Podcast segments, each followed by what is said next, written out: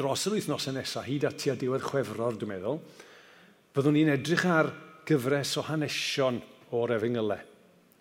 A gweld pobl unigol yn cyfarfod efo Iesu, a gweld beth sy'n digwydd, a gweld pa wahaniaeth mae hwnna'n gwneud i'w bywyd nhw.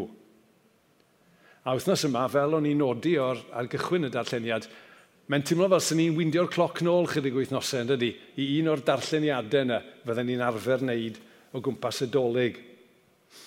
Nawr, jyst wrth basio, jyst uh, bach o gyd-destun, dyn ni ddim actually'n gwybod pryd nath y gwir doeth gyrraedd. Hynny yw, mae yna drafodaeth, oedden nhw chydig yn, oedden nhw'n hwyrach, oedd, oedd Iesu wedi tyfu chydig bach ac yn y blaen. Oes neb yn sicr o, o pryd wnaeth nhw gyrraedd, falle fod nhw wythnos, wythnos di mynd, falle wythnosau, falle misoedd di mynd.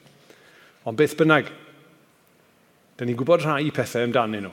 Da ni'n gwybod llawer am y gwir doeth. Mae yna lot o draddodiadau yn does. Mae yna enwau wedi cael eu rhoi iddyn nhw, mae yna, mae yna ganeuon wedi cael eu sgwennu amdanyn nhw.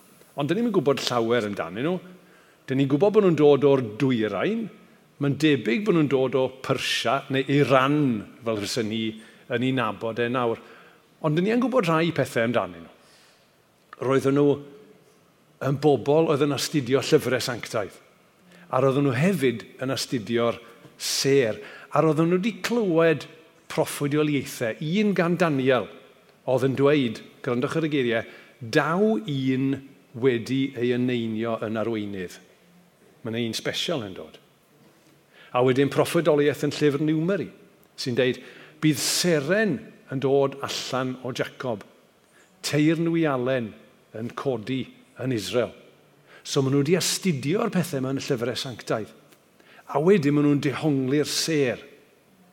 A maen nhw'n gweld seren, a maen nhw'n cychwyn am Jerusalem. A maen nhw'n cyrraedd palas y brenin Herod ac yn deud, Gwelon ni ei seren yn codi yn y dwyrain, a dyn ni yma i dalu teirnged iddo fe. A dyn ni'n ni gyfarwydd iawn ar stori, dyn ni. Dyn ni'n gwybod y gweddill o'r stori, dyn ni'n gwybod bod Herod wedi gwylltio, dyn ni'n gwybod bod neb yn y palas yn gwybod be oedd yn digwydd. A wedyn, dyn ni'n gwybod bod Herod wedi cocio bod eisiau mynd i addoli Iesu a bod e'n deud, ewch, a wedyn dewch yn ôl i ddeitha fi i fi gymryd i'w addoli e. A wrth gwrs, doedd e'n eisiau addoli e o gwbl, nag oedd. Ond wedyn ni y gwir doeth yn cael y neges mewn y freuddwyd yn gweud, ewch adre, ond ewch adre ffordd wahanol, ar hyd ffordd arall. Ond heddiw, dyn ni jyst yn mynd i zoomio mewn, mynd i edrych yn fanwl ar eu cyfarfod nhw efo Iesu, a Iesu yn blentyn. A dyn ni am edrych ar bedwar pwynt yng nghyd-destun y syniad yma o'r yr wefr, y cyffro o gyfarfod Iesu. Dyn ni'n mynd i edrych ar y ffaith bod gwybodaeth yn y pen yn dod yn brofiad byw. Dyn ni'n mynd i edrych ar y ffaith fod disgwyliadau, be oedden nhw'n disgwyl a'i profiad nhw yn wahanol. Yn drydydd, dyn ni'n mynd i weld rhywfaint o fawredd diw. Ac wedyn ni'n bedwerydd, dyn ni'n mynd i edrych ar ei ymateb nhw. So, pwynt cyntaf, gwybodaeth pen yn dod yn brofiad byw. Oedd y dynion yma yn ddynion clyfar, oedd nhw ddynion galluog. O'n i'n gwylio uh, angladd Tom ddoi, a oedd um, Rhys yn so bod Tom yn, dis, yn deud, dydw i'n mynd llawer o sgolar. Wel, sgolars oedd rhain, oedd rhain y bobl glyfar, oedd nhw'n astudio. A jyst wrth basio, mae'n hyfryd yn dydi, reit ar ddane, ddechrau hanes y geni, mae Dyw yn rhoi rôl bwysig i ddau set o bobl. Mae'n rhoi rôl bwysig i'r scholars a mae'n rhoi rôl bwysig i'r bugeiliad. Dau begon o gymdeithas i ddangos bod y newyddion da i bawb. Scholars a pobl o ddim, pawb. Just nodyn bach wrth basion fan ond oedd rhain yn ddynion peniog. Dyn nhw probably yn doctor rhywbeth ac yn beth bynnag arall nawr, dyddi, dyddiau yma. Oedden nhw wedi bod yn astudio proffedoliaethau yn ceisio i deall nhw darllen arwyddion yn y ser amdanyn nhw. Nawr en, o leia un person sy'n gweithio mewn prifysgol yma, llwch chi ddychmygu'r cyffro. Maen nhw wedi bod yn astudio yn y llyfrau, a nawr mae yna rhywbeth yn digwydd. O, o, mae hwn yn dod yn wir. A maen nhw'n chwilio, a maen nhw'n teithio. Maen nhw'n gweld seren yn arwydd, maen nhw'n teithio yn filltiroedd lawer, maen nhw'n cyrraedd y wlad, maen nhw'n edrych ymlaen i weld yr arweinydd yma o Daniel wedi proffwydo amdano. Mae'r holl wybodaeth pen yma, yr holl ddarllen, yr holl drafod yn ei harwain nhw i berson cig a gwaed. A roedden nhw'n gwybod bod y person yma'n bwysig – Oedd yr anrhegion maen nhw'n dod efo nhw yn rhai gwerthfawr. Oedden nhw'n dangos i fod e'n bwysig. A mae'n arwydd y cad i'r anrhegion. Dyn ni'n mynd siŵr os oedd y doethion yn deall yr arwydd y cad yna, ond mae'n y sôn yn does bod yr air oherwydd i fod Iesu'n ddiw. Bod y thys am ei fod wedi dod yn aberth a bod y myr yn arwydd oedd i oedd efaint. A mae'n rhywbeth pwysig iawn o fan hyn eto, chi'n gweld. Oedd gynnyn nhw lot o wybodaeth pen, ond nawr mae'r gwybodaeth pen yn dod yn brofiad. Ac eto, o'n i wrth y modd efo be oedd Rhys yn deud yn yr angladd uh, y diwrnod o blaen, am brofiad Tom, un oedd ni'n ei hoffi ac yn ei garu'n fawr iawn. Nid syniad oedd Iesu Grist iddo fe, nid theori oedd Iesu Grist iddo fe, ond person. Person real Iesu Grist oedd e a ni yn cael y profiad o fedru dod i'w nabod a'i garu. A mae hwn yn thema ac yn thema cyson ac uh, uh, trwy'r Beibl. Gryndwch ar yr adnod yma o'r, or salmau. Salm 34, adnod 8. Profwch drosoch eich hunain mor dda ydy'r arglwydd. Grandwch ar hynna eto. Profwch drosoch eich hunain mor dda ydy'r arglwydd. Mae gwybod rhywbeth yn y pen yn un peth. Ond mae ei brofi e, neu fel mae'r gair Hebraeg yn yr adnod, neu ei dastio fe yn rhywbeth gwahanol. Mae'n anhygoel. A dyna ddigwyddodd i'r dynion yma. Roedden nhw wedi treulio blynyddoedd yn dysgu am bethau, yn paratoi am ddyfodiad y brenu newydd, ond nawr, wrth ei bresau maen nhw'n cael cyfarfod e. Felly mae gwybodaeth pen yn dod yn brofiad byw. Yr ail bwynt ydy mae disgwyliadau a'i profiad nhw yn wahanol. Roedden nhw'n dod i chwilio, a mi'n arbennig roedden nhw'n dod i chwilio, ond ddiw un oedd yn ddigon pwysig i, fod, i, i gael seren i ddeud i fod e'n dod. Dyna pa mor bwysig oedd e. Mae'n siŵr bod nhw'n disgwyl rhywbeth reit spectacular felly. Rhyw rhyw ffanffer, rhyw arbig, rhyw, rhywbeth arbennig iawn. A mae'n siŵr bod nhw'n cael trafferth deall. Dychmygwch, maen nhw wedi bod yn paratoi. A mae'n y freini newydd yn dod. A mae'r breini newydd yma'n wirioneddol bwysig. Ond pam bod yn cael ei eni yn fanna? Pam bod yn cael ei eni yn yr hen wlad backwards yma sydd yn cael ei reoli gan rhywun arall? Chymo, os oes yna frenu newydd ar oedd y cawn, sech chi'n meddwl, os yma'n rhifain yn bysech? Chymo, yn cymryd drosodd gan yr, yr awdwr neu rhywbeth hwnna. Ond dim dim disgwyl. A mae yna fwy o'r feddod, chwel, achos nid yn unig dyn nhw ddim, maen nhw'n landio mewn gwlad anisgwyl, ond pan maen nhw'n cyrraedd, mae'n fwy o'r feddwl, dydy e ddim hyd yn oed yn y palas. Sgan bobl o palas, ddim syniad beth sy'n digwydd. Mae Herod yn galw'r arbenigwyr ato fe. A chymod, mae fatha rhyw sketch bron iawn, beth sy'n digwydd oge? Dwi'n bod. Sgynnu nhw'n syniad. Ond maen nhw'n fwy eto. A pan maen nhw'n cael hyd iddo fe, babi di. E. Plentyn newydd yn anedig. Plentyn i deulu tlawd. Oedd yn gorfod benthyg lle i aros. Plentyn cwbl ddi amddiffyn y bydde. Pobl bwysig y palas yn fian iawn yn chwilio amdano i wneud niwed iddo fe. Doedden nhw ddim yn disgwyl hyn. Ddim dyna be oedden nhw'n disgwyl o gwbl. Ond, does dim byd y mywyd Iesu Grist sydd yn ddamweiniol. Oedd y ffaith i fod wedi dod fel hyn yn dangos rhywbeth pwysig iawn i'n helpu ni i ddeall. Dewch i ni edrych ar fywyd Iesu wrth iddo fe dyfu. Chi'n gofio, wrth iddo fe dyfu fi oedd e'n gwneud lot o bethau, a fi oedd e'n gwneud gwirthiau. A lle bod chi'n cofio am fod y wyrth cyntaf mewn priodas. Nath ei briodas, oedd nhw'n rhedeg allan o wyn, nath e droi'r dŵr yn wyn. A pan dyn ni darllen hanes y wyrth gyntaf yma yn y briodas yng Nghana, dyn ni darllen y geiriau hyn. Y wyrth hon yn Cana Galilea, oedd y gyntaf gwnaeth Iesu. A sylwch, ddim yn deud nesaf, fel arwydd o pwy oedd e. Roedd yn dangos ei ysblander a dyma'i ddisgyblion yn credu hynddo. Dyn ni'n ei galw nhw'n dydyn yn wirthiau ac arwyddion, signs and wonders, pa mae Iesu Grist yn ei gwirth. Achos nid yn unig maen nhw'n bethau rhyfeddol, Ond, yng ngeiriau'r adnod yna, maen nhw'n arwyddion o bwy oedd e. Oedd e'n wir am ei fywyd e, a mi oedd e'n wir hefyd am ei eni e. A sut mae'r gwir doeth yn ymateb? Mae'r ymgnawdoliad, mae'r ffaith bod Dyw wedi dod ato ni mewn plentyn cwbl ddiamddiffyn yn ei llorion nhw Dyn nhw'n gallu credu'r peth. Maen nhw wedi darllen amdano fe, maen nhw wedi dysgu amdano fe.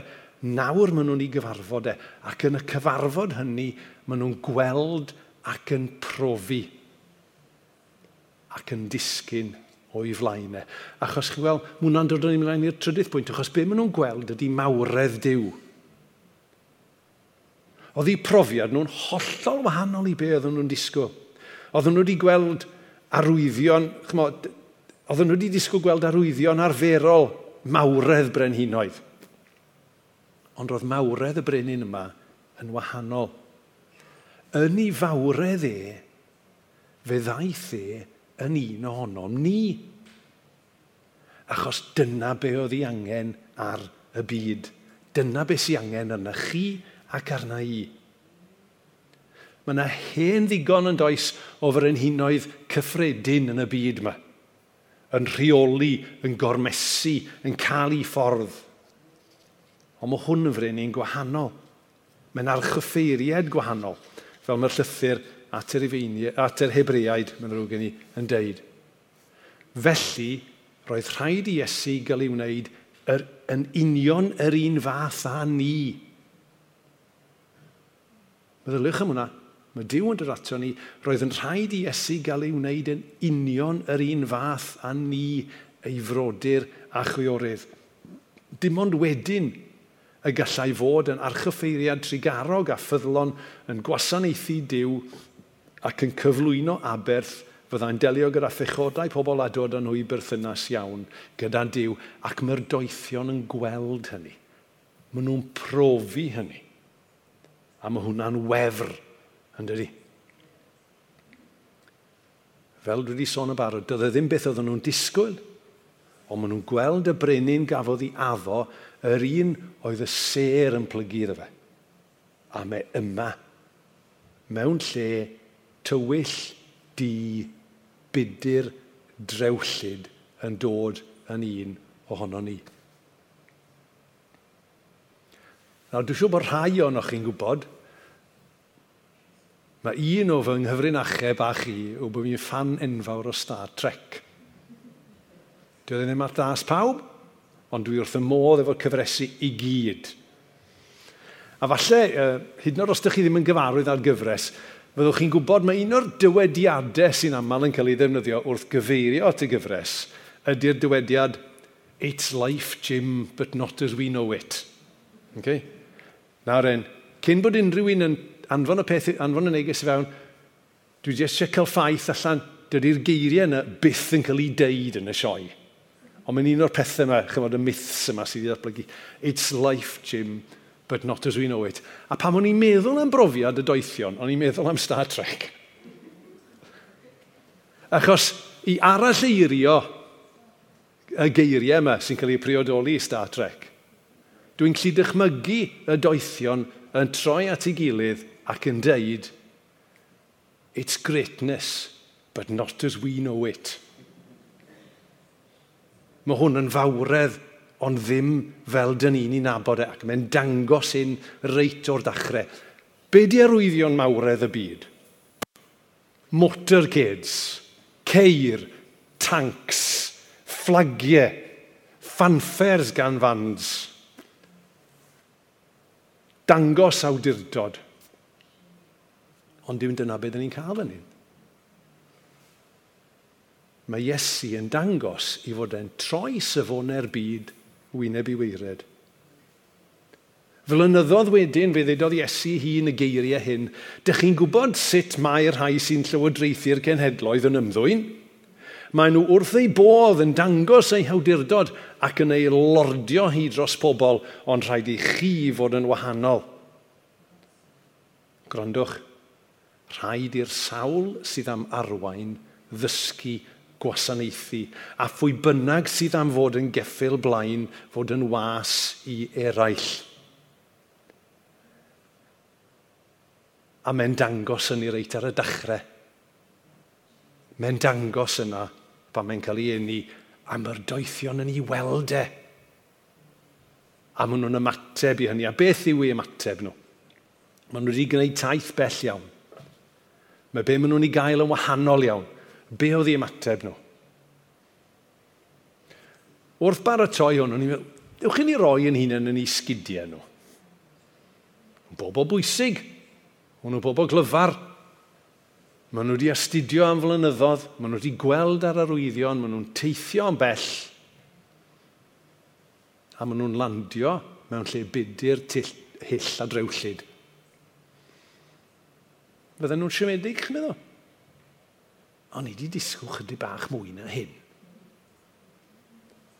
Wrth i fi feddwl hynny, o'n i methu helpu a meddwl am yr hanes o'r hen testament. Chi'n gofio, naman y Syriad eisiau cael ei achau oedd gynnu fe glefyd ar ei groen. A mae'n cael ei anfon at Elisais. A chi'n bod, oedd hwn yn ddyn pwysig. A mae'n mynd at Elisais a dydy Elisais ddim hyd yn oed yn dod allan o'r tŷ i siarad gyda ge hwnna'n rŵd i ddechrau yn dydi rhywun pwysig. A mae Elis Eis yn dweud, dos i olchi'n yr yn saith gwaith. A mae Naman yn dweud, wff, mae'r iorddonen yn ein afon hyll, drewllid, ych a fi. Mae gynnon ni afonydd lot gwell yn Syria. Be os gai fynd i fanna? Na, i'r iorddonen mae fod i wneud. Diwedd y stori yw mae rhywun yn cael perswad yno fe ac mae'n mynd i'r afon ac yn cael ei achau. Ond yn fan hyn, does na'm awgrym am siom gan y doethion, syndod falle, ond dim siom. Be dyn ni'n darllen amdanyn nhw? Eithon nhw mewn i'r tŷ a dyma'r dyma geiriau. Dyna lle roedd y plentyn gyda'i fam mair. A be maen nhw'n neud? Y dynion pwysig yma. Dyma nhw'n disgyn ar ei gliniau o'i flaen a'i addoli yna dyma nhw'n agor eu paciau a rhoi anrhegion gwerthfawr iddo, air a thys a myr. Maen nhw wedi cael eu llorio. Maen nhw'n disgyn ar ei gliniau o'i flaen. E, maen nhw'n plygu, maen nhw'n addoli. Mae unrhyw dignity fydde wedi bod gynnyn nhw wedi mynd. Maen nhw'n disgyn o'i flaenau e, achos maen nhw'n cael y wefr o ddod i'w nabod e y wefr o gyfarfod yr un mwyaf a fiodd erioed yn dod yn un ohono ni. Dyna ni wedi bod yn canu dros yn nadolig yn do. Wele ddiwdod yn y cnawd. Dwyfol fab i ddyn yn frawd. Dyw yn ddyn fy enaid gwel Iesu ein Emmanuel. Dyw gyda ni yn y ffordd mwyaf real, mwyaf bregus, mwyaf agos ato ni ac y gallen ni ddychmygu. A maen nhw'n disgyn ar ei gliniau ac yn ei addoliau. E. Nethon nhw gyfarfod Christ. Nethon nhw brofi gwefr. Be amdano ni? Wrth i ni feddwl am brofiad y doethion o gyfarfod Crist, be dyn ni'n medru dysgu a sut dyn ni'n medru ymateb. A dwi'n meddwl bod yr atebion yn dod wrth i ni ymateb i bedwar cwestiwn. A dwi am ofyn y cwestiwn, pedwar cwestiwn yna nawr, maen nhw'n seiliedig ar y pwyntiau. Dwi am ofyn y pedwar cwestiwn, a dwi am ofyn y cwestiynau i fi fi hun. A dwi'n eich gwahodd chi gyd yma neu adre i ofyn y cwestiynau i chi hun hefyd, fel yn ni gyd hol i'n hunain ddim meddwl am bobl eraill. Cwestiwn cyntaf. Ydw i'n gwybod pethau am ddiw yn fy mhen? Ydw i angen dod i'w gweld a deall a'i profi yn reality yn fy mywyd?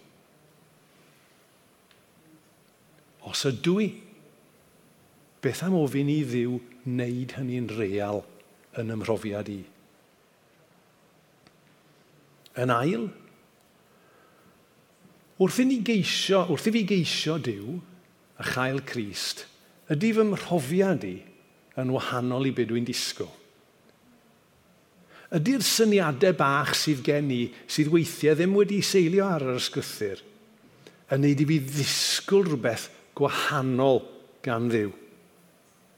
Ydy e'n cyfyngu ar be mae Dyw yn medru wneud yno fi a thrwo fi? beth am ofyn i ddiw ddangos ei hun i mi a dangos sut mae eisiau fy newid i.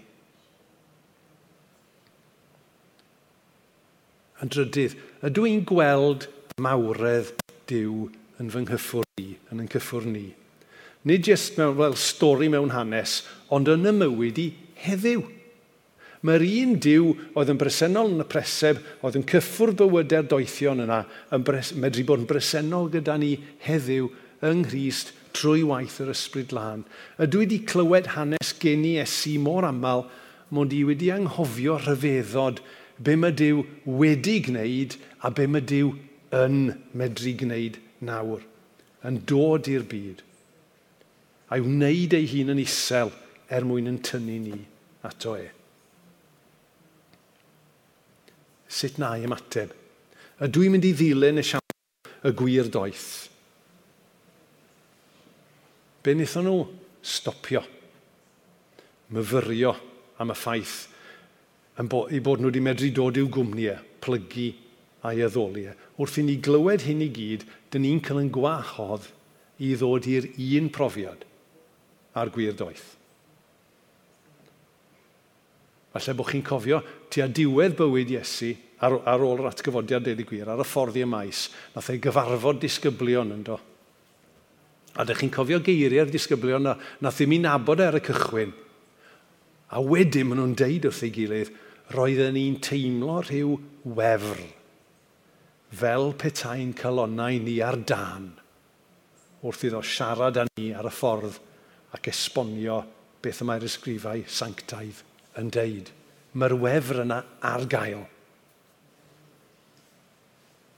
Dyna oedd profiad John Wesley, dyn ni'n gyfarwydd â emynau a hanes i fywyd e.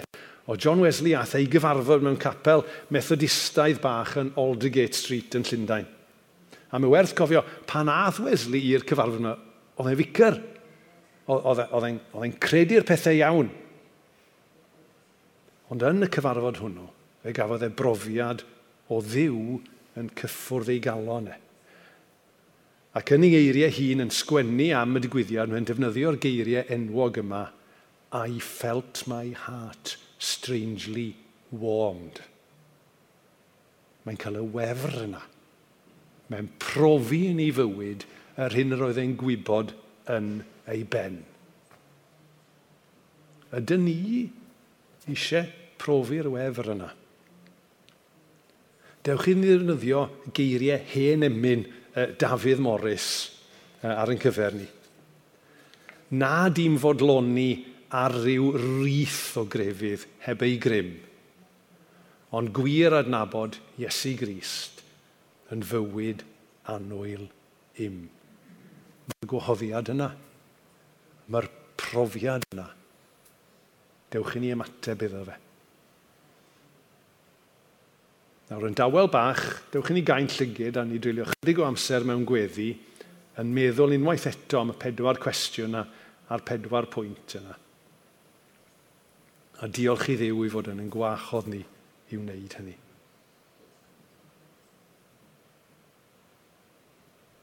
Arglwydd, helpa fi symud y pethau na dwi'n gwybod yn fy mhen i fod yn brofiad Ni di ddangos dy hun yn reality yn fy mywyd i.